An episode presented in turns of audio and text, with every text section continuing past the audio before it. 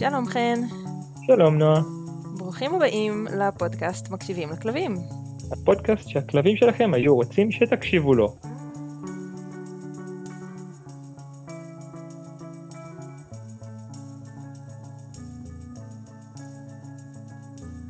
מה נעשה?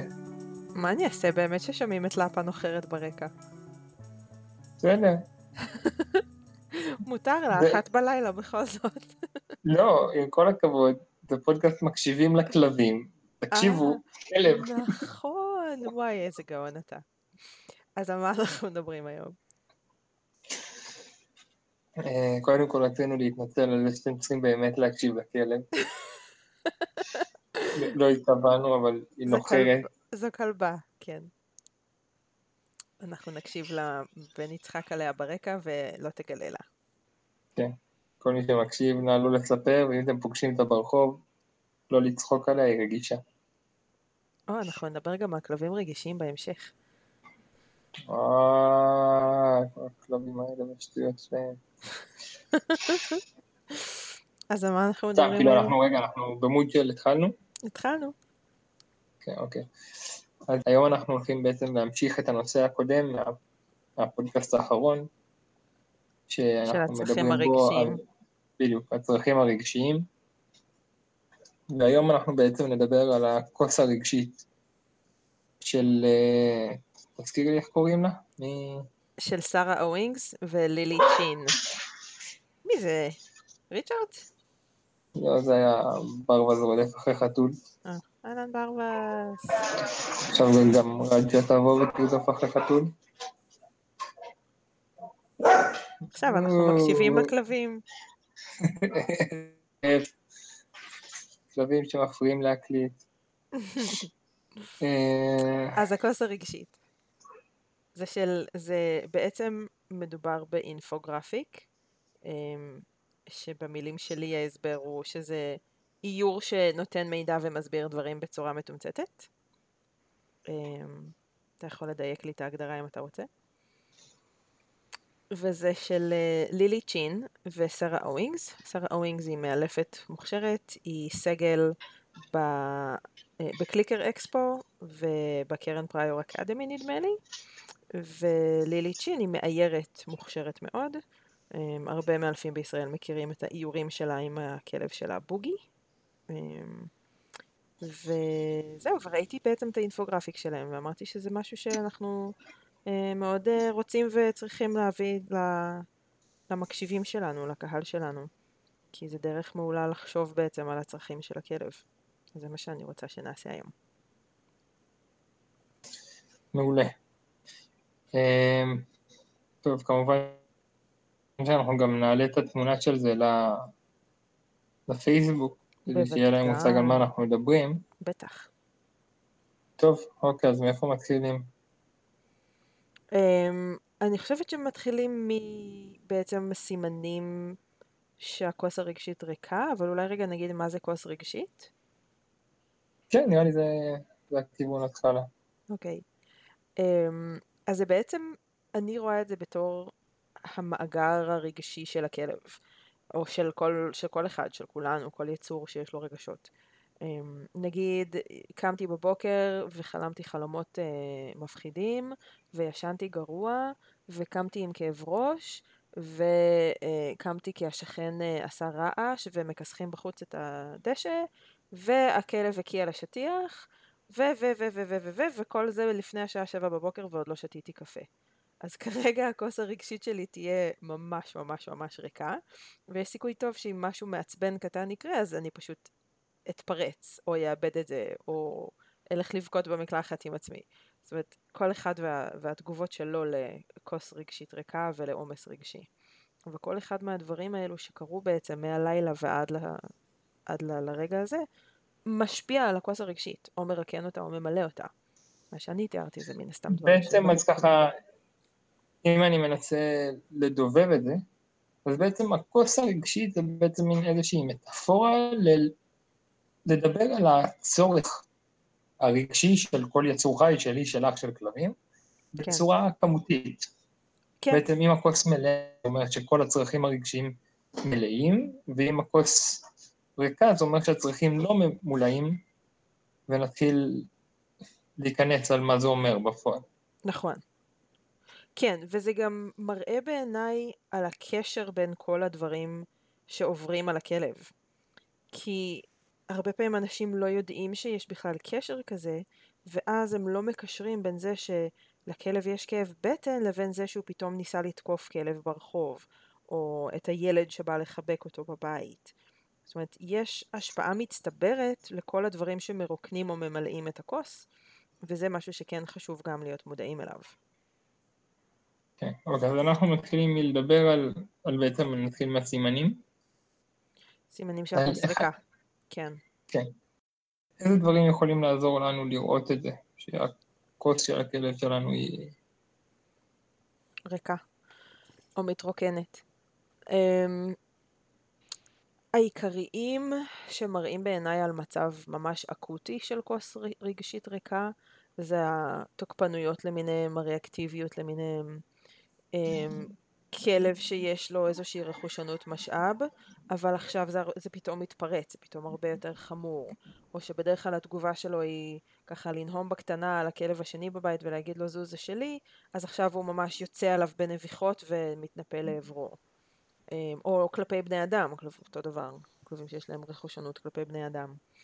אמ, רכושנות משאב, זאת אומרת, כלפי בני אדם. או ריאקטיביות, כלב שפתאום נובח הרבה יותר, כלב שפתאום מגיב ב... ב נקרא לזה רגשנות יתר, אמ, או לחלופין כלב שעושה שאט דאון, כלב שמכבה את עצמו ומסתגר בתוך עצמו ונהיה כזה שקט ומכונס בעצמו וכמעט לא זז, כל התגובות האלה של זה יותר מדי בשבילי, אבל אני לא אוציא את זה החוצה, אני אהיה מופנם ואקלע את כל הרגשות האלה עמוק עמוק בפנים כזה. הם לא עושים את זה במודע כמו שהרבה פעמים בני אדם עושים, אבל יש את האפקט שאט דאון הזה. כן, יצא לי לראות כמה כלבים ש... בדרך כלל זה מין סוג של התסמין האחרון. זאת אומרת, mm-hmm. הם קודם כל משתוללים, קודם כל מנסים לעשות כל דבר שהם יכולים כדי לקבל משהו שהם רוצים, ורק כשהם מבינים שלא משנה מה הם עושים, שום דבר לא עובד, כאילו הם מתייאשים מהחיים ופשוט נהפכים להיות מין שמיכה מסכנה ואומללה שיושבת בבית. צל, כן. מין צל, צל כזה. צל, צל של עצמם, זה הגדרה טובה. כן. כן, וזה קורה בכל מיני מצבים לכלבים. אז יש עוד כל מיני התנהגויות כאלה, שזה הקצנת התנהגות וניסיון להשיג משהו, חנפנות יתר, כל מיני דברים שאם אנחנו מסתכלים עליהם מהצד קצת אה, נראים בתור הכלב רוצה צומי. כן. הרבה פעמים מפרשים את זה בתור כאילו, אה, הוא רק רוצה יחס, אסור להתייחס אליו, מותר להתייחס אליו, איך להתייחס אליו. בעצם זה מין איזשהו סימן למשהו קצת יותר גדול, אם הכלב מגיע למצב שהוא מתחיל אה, להתחנף אליך ולדרוש ממך סומי בעל כורחו. כן, לגמרי. בכלל כל שינוי בהתנהגות או כל הקצנה בהתנהגות, אמ, בהרבה מקרים הם יכולים באמת להוות ניסיון להשיג משהו או ניסיון להימנע ממשהו. לפעמים זה סתם כי הכלב באמת רוצה תשומת לב או רוצה טיול או משהו כזה, אמ, אבל זה עונה על איזשהו צורך. זאת אומרת, אני חושבת שכולנו מנסים כל הזמן לאזן את עצמנו רגשית ופיזית ומכל הבחינות כדי שיהיה לנו טוב ונעים וקל, וגם הכלבים עושים את זה. אני רוצה לדבר על העצבנות ומצב רוח רע. טוב, אני מנסה לתאר לעצמי בראש איך רואים כלב שהוא עצבני. מבחינתי זה שווה ערך לריאקטיבי, אבל כאילו, איך מזהים כלב שיש לו מצב רוח רע? אני חושבת שזה יכול להתבטא בהרבה מקרים בשקט הזה, שלא אופייני לכלב. יודע למה אני מתכוונת? לא.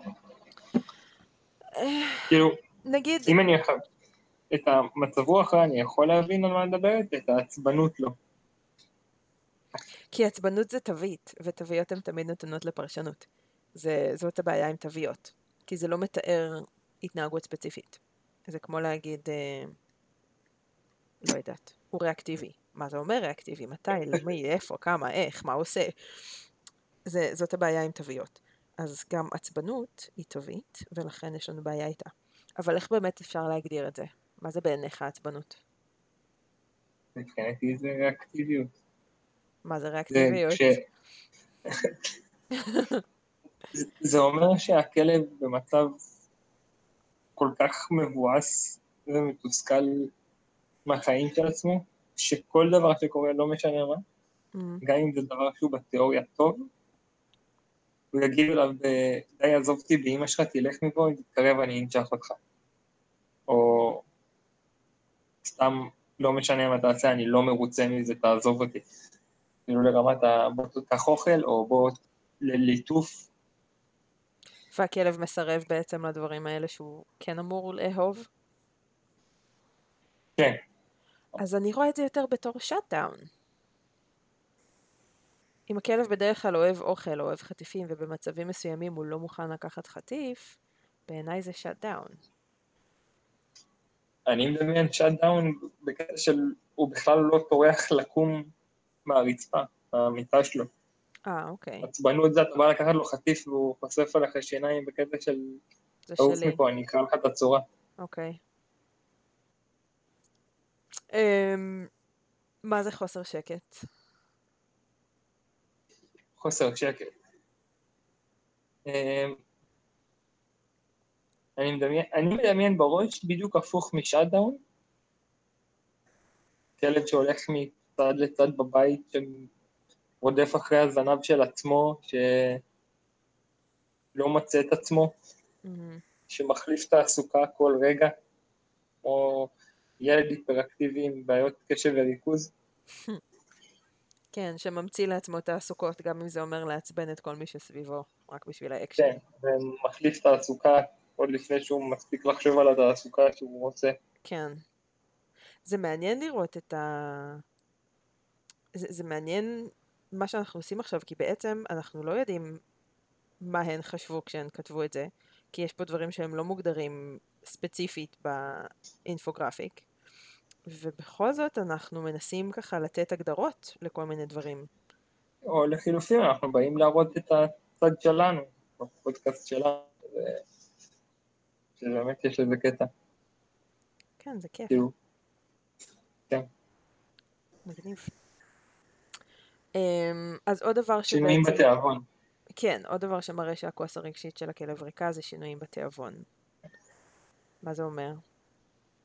לי לראות כלבים שהם תסכול מכל מיני סיטואציות כאלה ואחרים אוכלים פחות.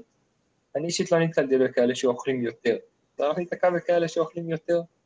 כן, יצא לי לראות את אריק למשל, בימ... הכי כולו דוגמה, הוא אוכל יותר נקודה. הוא אוכל יותר גם כשהוא שמח. זה גם נכון, אבל יצא לי לראות אותו ב... בימים שהיה לו לא טוב, נגיד ביום שהכלב של השכנים תקף אותו, או כל מיני דברים כאלה. אמ, ואז הוא, הוא הרבה יותר מורעב, הוא קופץ על כל אוכל שהוא מוצא ברחוב באינטנסיביות יותר מהרגיל, או שהוא אה, נופל חטיף והוא מזנק עליו, או כל מיני דברים כאלה. אמ, אז, אז יש שם, זה לא רק שהוא חולה על אוכל ומת על אוכל ומכור לאוכל וכו' וכו' וכו' אלא הוא באיזושהי מין לחץ על האוכל. יותר מהרגיל. בית, יותר אה, מזה שהוא לברדור בלאי. אמ, יש עוד משהו שלא עברנו עליו? התאוששות איטית ממצבים עליבים. נכון. לפה, את נוחרת חזק, ממי שלי.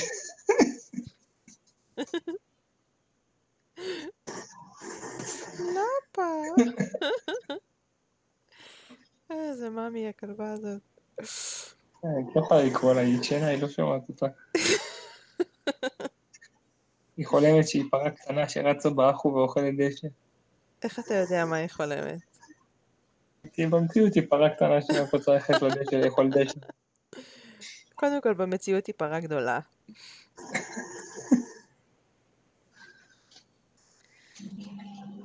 אוקיי. אז הדבר האחרון שנשאר לנו במה מרוקן את ה... בסימנים שהכוס הרגשית ריקה, סליחה, זה אה, התאוששות איטית ממצבים מלהיבים. מה זה זה- אומר? זה בעצם מחזיר אותנו ל...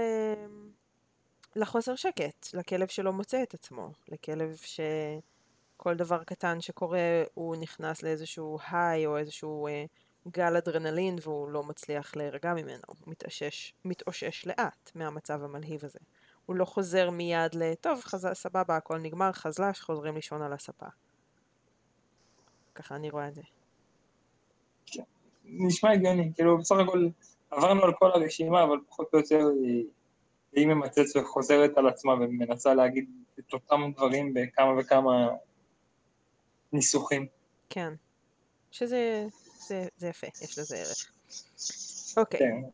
טוב, עכשיו השאלה לאן אנחנו עוברים, למה מרוקן את הכוס או מה ממלא את הכוס? מ, נראה לי שמה מרוקן, ואז נסיים באופטימיות של למלא. יאללה, בואי נתחיל מהריקון. טוב. טוב. אז הדבר הראשון שמרוקן את הכוס זה בידוד חברתי. נכון. אמ, שמתקשר גם לדבר השני, שזה תיחום לזמנים ארוכים. נגיד כלב שמבלה חלק מאוד גדול מהיממה שלו סגור בכלוב, או סגור בגדר גורים, או סגור במרפסת, אמ, ובלי, מה שרוב הכלבים לא מקבלים, בלי העשרה סביבתית, בלי צעצועי אוכל וקונגים ועצמות ופאזלים לעשות וחידות אוכל וכל מיני דברים מעניינים לקרוע ולפרק ולעשות, לעשות אותם. כן. אה, אני חושב שבידוד חברתי זה אפילו קצת מעבר לתיחום, כי בידוד חברתי יכול להיות סתם שגרת חיים נורמליים של רוב האנשים, שיוצאים מהבית לתשע עשר שעות והכלב צריך להישאר לבד בבית. נכון. שזה אומר פחות או יותר חצי יום לבד. כן.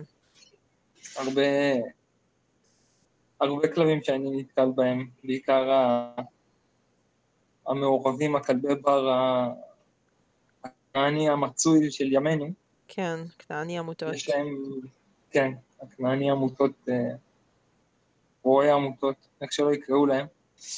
אה, זה אחד מה, מהדברים שאני רואה שהכי מרוקנים להם את הכוס. אה, להשאיר אותם לבד בבית, זה מוציא מהם את כל המיץ, את כל החשק אה, מהחיים, כל דבר אחר נהפך להיות לא, לא רלוונטי להם ברגע ש... שמשאירים אותם ועוברים את הסף שלהם, והסף שלהם מאוד קצר.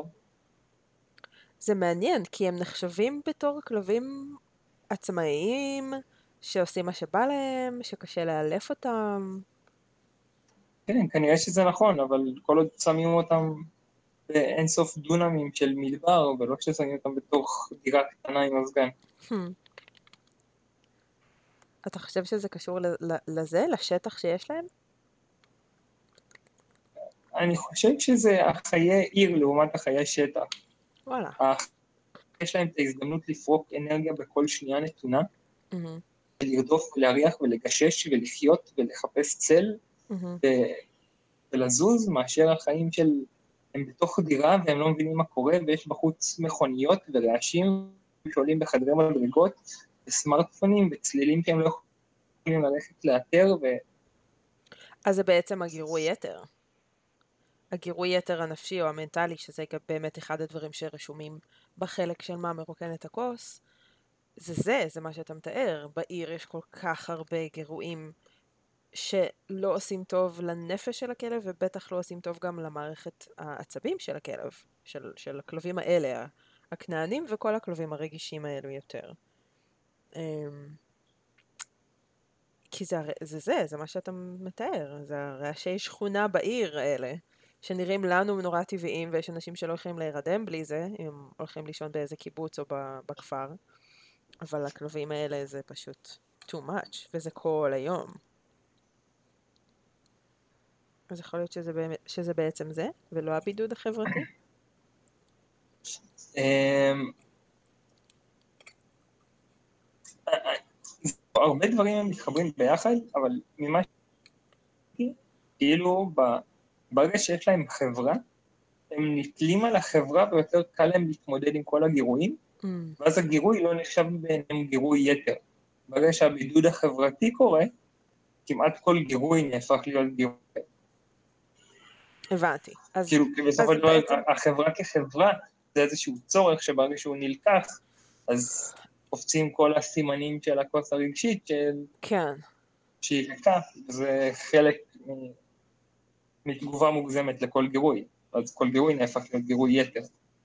אז בעצם אתה אומר שהבידוד מרוקן להם את הכוס כל כך, שכל גירוי הופך לגירוי יתר והם לא מסוגלים להתמודד איתו, כי הם מראש התחילו את היום, או את החלק הזה של היום, בכוס רגשית ריקה, כי הבעלים לא שם, כי הם לבד, כי הם בבידוד חברתי.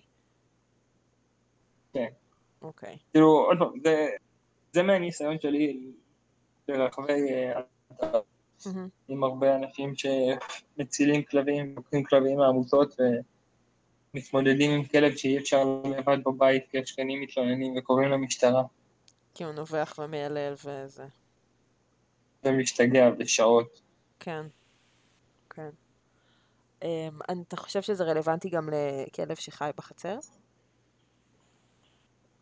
קודם כל אני חושב שזה אינדיבידואלי, זאת אומרת אני חושב שבאמת יש כלבים שלבד יכול להיות להם טוב וכיף, יש כלבים שאוהבים, יש כלבים שאוהבים כלבים, יש כלבים ששימו עם החתול מחמד שלהם והם לא מרגישים לבד, כאילו, אבל זה איזשהו משהו של... שיותר נפוץ שברגע שתשים כלב בבידוד זה יעשה לו רע, כאילו תשים אותו לבד. כן. אני, אני רוצה רגע לחזור לנושא של התיחום דווקא, כי נזכרתי ב... בכל מיני שרשורים שראיתי פה בקבוצות אה, דיון אה, על כלבים אמריקאיות, קבוצות של אילוף כאלה, של אילוף כלבים אמריקאיות. ולא פעם עולה שם הנושא הזה של כלוב טיסה. אז הייתה מישהי שאמרה שהגור שלה אה, עדיין עושה צרכים בבית, והיא לא יכולה להשאיר אותו מחוץ לכלוב אפילו לשעה, כי הוא משמיד את כל, ה, את, כל ה, את כל החפצים, את כל הרהיטים, את כל השטיחים, את כל הדברים וכל זה. ו, וכמה זמן אפשר להשאיר כלב בכלוב. זאת אומרת, השאלה בעצם הייתה, מה אני עושה, כמה זמן זה בסדר להשאיר אותו בכלוב. ומדובר, בוא נגיד בגור, אוקיי? גור צעיר. והתשובות הדהימו אותי. כי אנשים בעצם אמרו לה, הכלב שלי בכלוב כל הלילה כשאני ישנה, וכל היום כשאני בעבודה, ואם אני יושב לאכול אז הוא בכלוב, אם אני הולך להתקלח אז הוא בכלוב, וזה יצא שהכלב 22 שעות לפחות מהיממה נמצא בכלוב. כדי שהוא לא יהרוס את הבית, או כדי שהוא לא יעשה פיפי, או כדי שהוא לא ילמד איזשהו הרגל לא טוב, או איזה משהו כזה. ואותי זה זעזע. בעיניי זה היה נשמע נורא. ואני לא נגד כלובים, אני, אני, לכלובים שלי יש כלובים והם רגילים לכלובים והם אוכלים בכלוב טוב, זה, זה, זה משהו שחשוב אה, בעיניי שהכלב יתרגל לכלוב, כי למשל השבוע קרמה עברה ניתוח והיא הייתה צריכה להיות בכלוב אצל הווטרינר. ולא היה לה בעיה, היא לא נבחה, היא לא קיטרה, היא פשוט נחה וחיכתה שהיא תוכל לצאת משם, כי היא רגילה לכלוב. אבל ה- ה- מה שהם תיארו זה היה יום שלם, יממה שלמה. אני... אני קשה לי לראות את הכאב במה שאת אומרת, כי לי זה נשמע הגיוני שכלב יבלה את רוב הזמן בתוך הכלוב. איך זה הגיוני בעיניך? הוא לא יכול לזוז, אין לו מה לא, לעשות, קודם כל, אין לו קודם כל כשאנחנו. כשאנחנו מדברים על כלוב, אז מבחינתי, כשאנחנו מדברים על גורים, אז יש את הכלוב שהוא אמור להוות כאילו את המלונה, את הבית, את המקום שישנים ואוכלים, כן, וזה מחובר לגדר גורים שמלאה בפד שאפשר לעשות בו את הצרכים, ומלאה במשחקים וצעצועים ומשחקי מחשבה ופאזלים וכאלה. זה, אבל זה גדר גורים, זה לא כלוב. הם דיברו על זה שהכלב בכלוב, אין גדר גורים. הוא סגור, אז הוא סגור בכלוב. כשהכלוב בגודל שלו, כדי שלא יהיה מספיק מקום שהוא ילך לעשות פיפי, כי זה חלק מהתהליך חינוך לצרכים. אז כשהם מדברים על כלוב סגור, הם מדברים על כלוב סגור. לא על כלוב אוקיי, אבל פתוח אם- בתוך גדר. אם אנחנו, אם אנחנו מדברים על כלוב סגור, זה צריך להיות מותאם לגיל של הכלב. אם אנחנו מדברים על גור בן שלוש חודשים, זה אומר שהוא אומנם סגור בכלוב רוב היום, אבל כל ארבע שעות ופחות מוציאים אותו לסיבוב, לטיול. ואם מוציאים אותו לעשר דקות לעשות פיפי ומחזירים אותו לכלוב. אה, כן, יש פה, אה, יש פה עניין, זאת אומרת, בעיניי זה too much. הכלוב ב- ב- אמור באמת לסמן מצב של בוא תירגע, בוא תלך לנוח, אבל כלב לא יכול לנוח כל היום, כלב צריך לבחור לנוח, הוא לא יכול לנוח כי נתת לו פקודה לנוח. עכשיו הוא כן יכול, אבל אתה צריך בהתאם לזה לפרוק לו אנרגיה ולהפעיל אותו ולתקשר איתו ולתת לו את הצרכים החברתיים שלו. והפיזיים אבל, אה, והמנטליים. כן, אבל אה, אני יודע שאני ממליץ הרבה פעמים ללקוחות שלי כן לה- להשתמש בכלוב בתור ה... בתור המיטה. הדרך, לא בתור המיטה, בתור ה... אתם עכשיו רוצים לשבת לאכול והכלב מפריע לכם וקופץ עליכם ומשתגע, שימו לו איזה צעצוע להתעסק בו, שימו לו איזה קונג, שימו לו אותו בכלוב, שימו אותו בכלוב ושבו לאכול. שבו לאכול בשקט, שימו לאכול, תוציאו אותו מהכלוב. סבבה, אבל זה לאכול, זה לוקח חצי שעה גג? שעה אם זה ארוחת שישי? נכון, אבל זה קורה גם כשהם יוצאים מהבית, כשהם הולכים לעבוד, וגם כשהם הולכים לישון. אז אם הם יוצאים מהבית לעשר שעות, הכלב אמור להיות בכלוב? עשר שעות לא לזוז? זה משתנה, זה כבר יותר אינדיבידואלי, אבל לא, לעשר שעות הייתי... בוא נגיד שגם לשמונה שעות לכלב בוגר זה גבולי, אבל. במצבים, במצבים כאלה זה מבחינתי מציאות שחייב גדר גורים, חייב לתחום לו חדר, חייב שיהיה משהו מעבר לכלוב. כן, הוא חייב, הוא חייב מרחב קודם כל לתנועה, כי כלב שלא זז מספיק, לא, לא מתפתח טוב, נקודה, לא פיזית ולא מנטלית.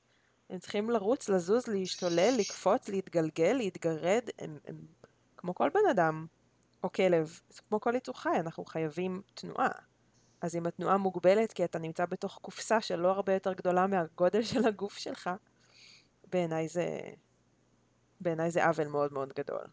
וצריך למצוא את האיזון בין לשמור על הבית או לשמור על הרמת שפיות של הלקוח שרוצה רגע לאכול בשקט ארוחת ערב אחרי שהוא חזר מיום מעייף בעבודה, לבין לשמור על השפיות של הכלב ועל הבריאות של הכלב ועל הרווחה הנפשית של הכלב, שלא נועד לבלות את חייו בכלוב, וגם לא בגדר. אוקיי, עכשיו שאלה לי אלייך ככה, באמת בשביל התכלס, כדי.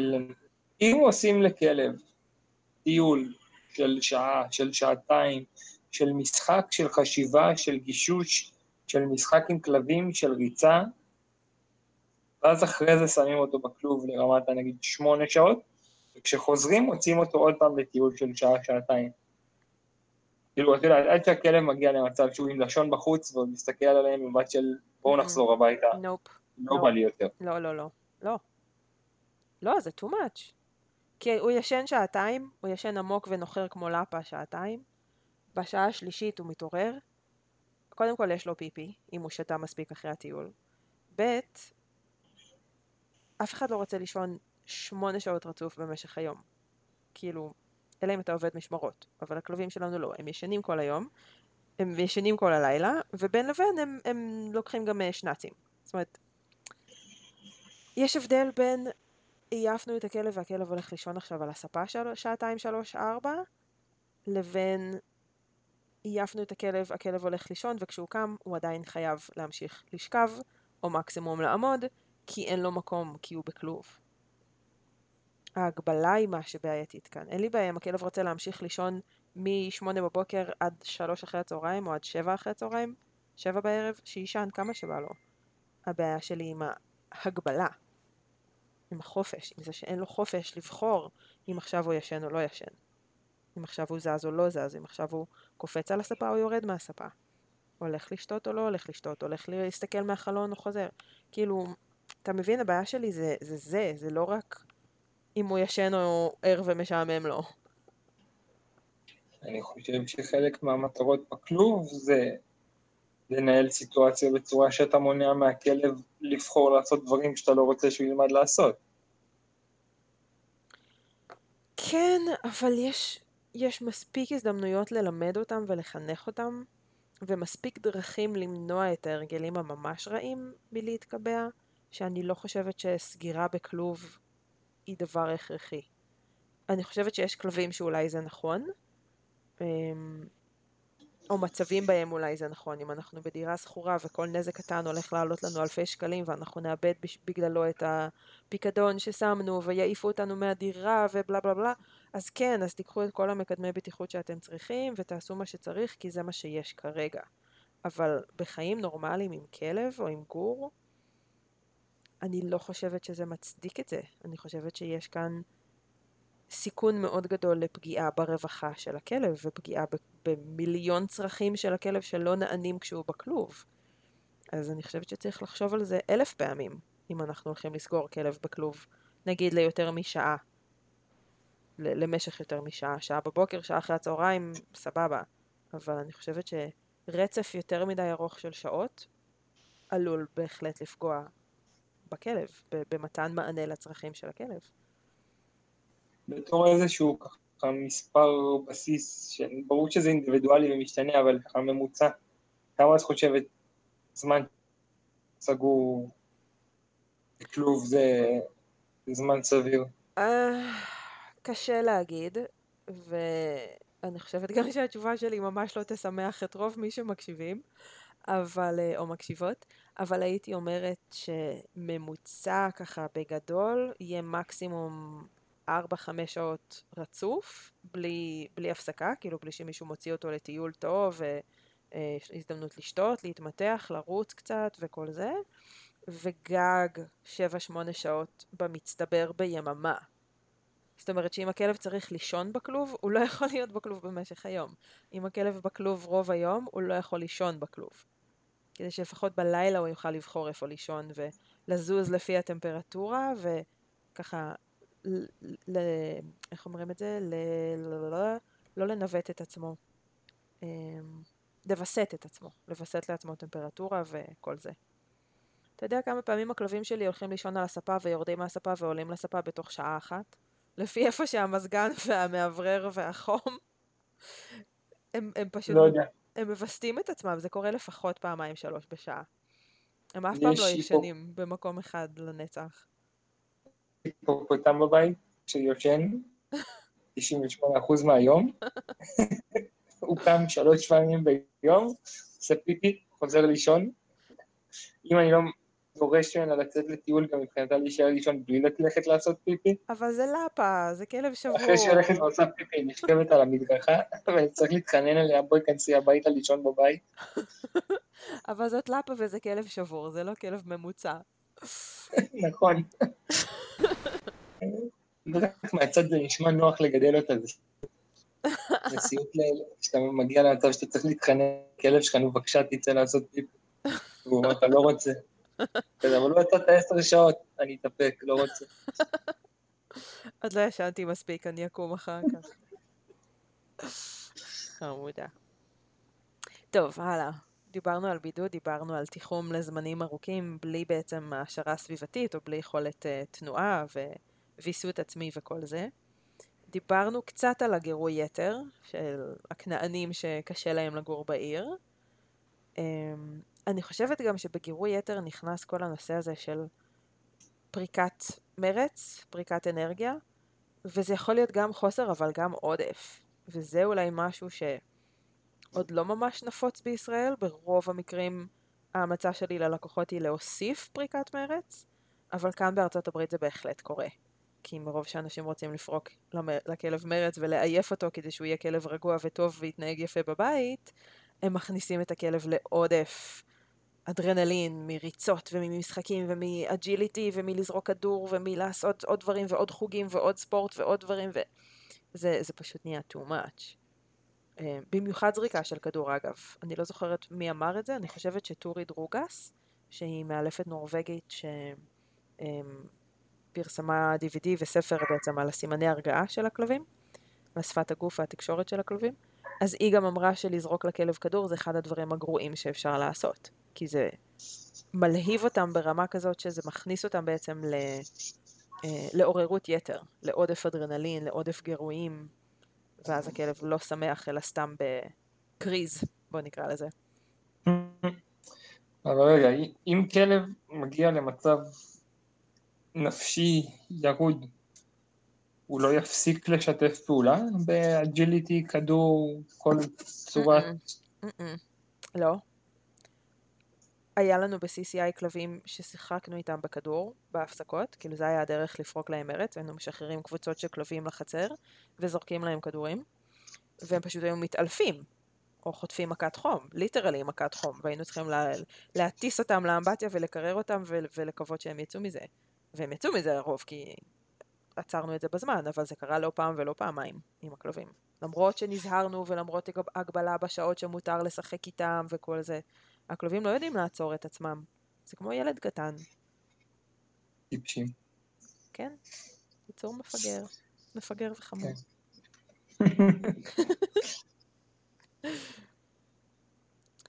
כן. אמ, אז כן, אז, אז עודף ריקון אנרגיה זה גם בעיה, לא פחות מאשר חוסר בפריקת אנרגיה. וזה מעניין, איך יודעים אם יש לכלב עודף או חוסר? איך יודעים באמת, נועה? למה אתה מחזיר את השאלה אליי? אני שאלתי קודם. כי את שאלת להעביר ואני שאלתי אותך ספציפית. אה, ככה זה עובד. איך יודעים? אמ, לפי הכוס הרגשית שלו. זהו, מבחינתי כאילו איך יודעים שחסר לו פריקת האנרגיה? רואים את כל הסימנים. כאילו, חושנות משאב, ריאקטיביות, חוסר שקט, התאוששות איטית, שינויים בתיאבון, הקצנה התנהגות, עצבנות, חנקנות. אה, איך יודעים שיש לו עודף ריקון אנרגיה? אני לא יודע איך מזהים את זה. אני משער שכשמפסיקים, קודם כל, אם הכלב חוטף מכת חום או התייבשות תוך כדי משחק, כנראה הגעת לעודף. כנראה. אולי, ככה, אפשר לנחש. תנסה להמשיך, נראה אם... נראה אם הוא ימות או לא.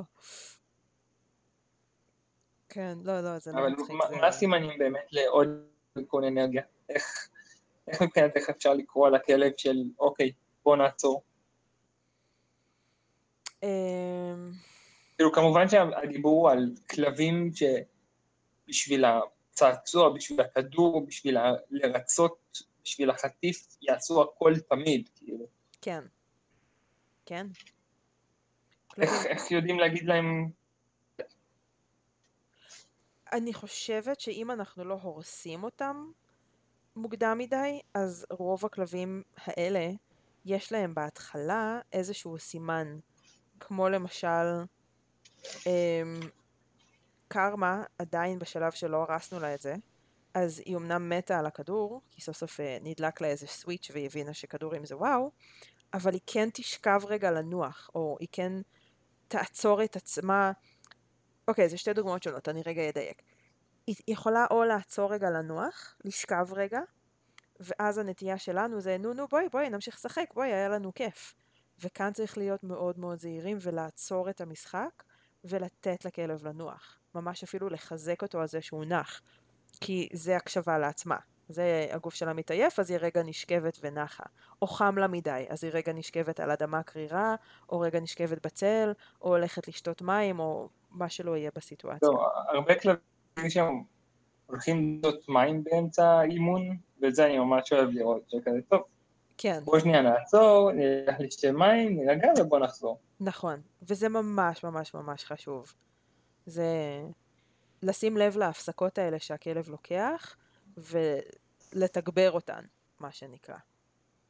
הדבר השני, שהוא קצת יותר קשה לראות לפעמים, זה למשל אה, קרמה, אנחנו זורקים לה את הכדור והיא מביאה, וזורקים לה את הכדור והיא מביאה, ואחרי כמה פעמים כאלה זורקים לה את הכדור והיא מביאה, אבל בדרך הארוכה. היא עושה מין סיבוב כזה, או סיבוב ניצחון, או עוצרת רגע וקופצת על הכדור עם עצמה, או מצפצפת בו רגע עם עצמה, זאת אומרת, איזשהו משהו שהוא, היא לוקחת את העוד כמה רגעים האלה, את העוד כמה שניות האלה, לפני שהיא מביאה את זה אליי.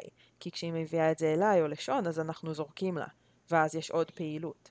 ובעיניי זה עוד דרך של הכלב להגיד, רגע, שנייה, תן לי רגע לנשום, רגע, אני אחזיר את הגוף שנייה למצב טוב, ואז נמשיך. וחשוב מאוד מאוד לשים לב גם לסימנים האלו, ולא לעודד את הכלב, נו, נו, תביא לי, בוא נמשיך, אלא לתת לו רגע את ההפסקה הזאת, לתת לכלב להיות זה שבעצם מחליט מתי ממשיכים, האם ממשיכים, כמה ממשיכים. זה- זה הכי ההקשבה לכלב. תראי, אני יכול להגיד לפחות על עצמי, שאחד מהדברים שלמדתי תכלס ממך, זה שלא משנה מה אני עושה עם הכלב, לא משנה אם זה פעילות חשיבה, או אם זה פעילות ספורטיבית, או לא משנה מה, זה לייצר את הכל מחולק לסשנים קצרים. זאת אומרת, גם אם זה כדור, אז עכשיו, שלוש דקות נזרוק כדור, דקה ננוח, שלוש דקות נזרוק כדור, דקה ננוח.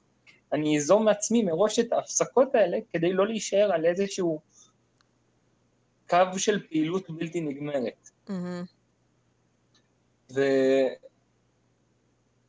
וכשאתה יוזם את זה, הכלבים כל כך הרבה יותר בתוך זה כשאתה שם, כי הם לא מגיעים לשלב הזה של הייאוש והתסכול והעייפות וה... אני עכשיו אלך שנייה לשחק עם עצמי בצד כי אני רוצה לנוח ואתה לא נותן לי לנוח. מהמם.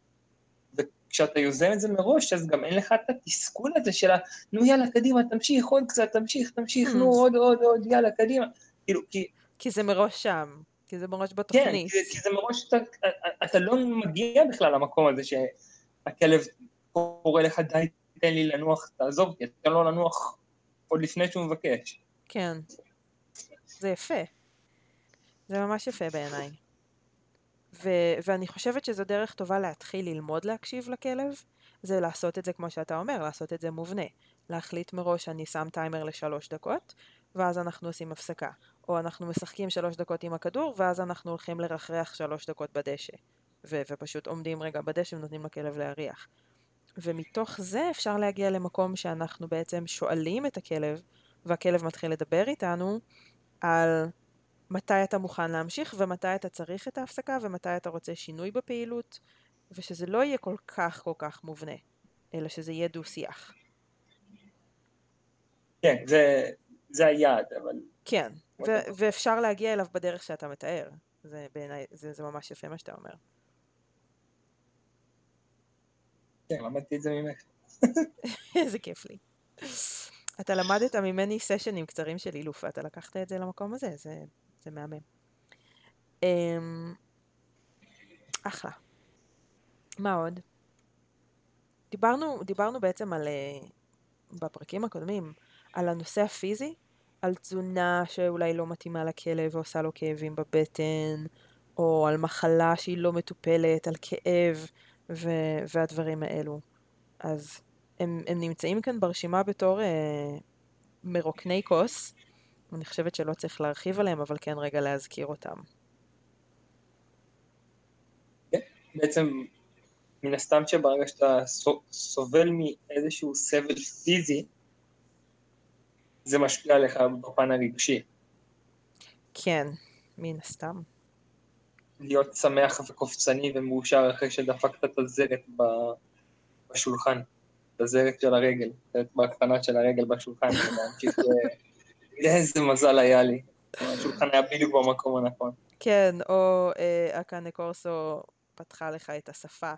יש, איזה תענוג, יש לי שפה עם פצע. איך אנחנו אוהבים את הגן הקורסו שלה. חולה עליה, מתה עליה. את יודעת מה אומרים? מה? זה קרמה. זה קרמה. מה עשיתי לה? זה לא קרמה. זה... זה אנטי, אנטי קרמה. טוב, הלאה. עזוב את קרמה, בואו בוא נדבר על דברים, אה, דברים נוספים. טוב. אוי, יש פה משהו מפ- מעניין. סליחה, אני קטעתי אותך, לא. אנחנו מדלגים, אני יודעת מה אתה רוצה להגיד, אנחנו מדלגים על זה. יאללה, אם שלח מעניין, בואי נלך על שאלה, שלח מעניין. הכשלת הכלב למטרת ענישה. איך אני אוהבת שזה פה ברשימה. אני כל כך אוהבת שזה פה. וואו. יאללה. הבמה שלך, תני בראש. תמציא ב... היי, כאן נועה, הפעם בכובע העורכת. אני קוטעת כאן את השיחה שלנו, אה, פשוט כדי שיהיה נוח יותר להקשיב לזה באורך סביר. אז את ההמשך על הכוס הרגשית ומה ממלא אותה וכל זה, אנחנו נשמע בשבוע הבא. בינתיים, נשמח מאוד לשמוע מכם גם פידבקים, הערות ותגובות ותובנות שעלו לכם בעקבות הפרק הזה, וגם נשמח לקבל דירוגים של הפודקאסט שלנו באפליקציה האהובה עליכם, אם זה אייטונס, פודקאסט אדיקט, ספוטיפיי או כל אה, אפליקציה אחרת שאתם שומעים דרכה את הפודקאסט הזה. הדירוגים האלה גם עוזרים לאחרים למצוא אותנו ולגלות אותנו, אז אם חשוב לכם שעוד אנשים ייחשפו למידע הזה ולדברים שאנחנו מעלים כאן ביחד, זה זמן טוב לשתף ולספר גם להם. וכמובן שזה מהווה גם אה, חיזוק חיובי עבורנו. אז זהו להיום, נשתמע בפרק הבא בשבוע הבא.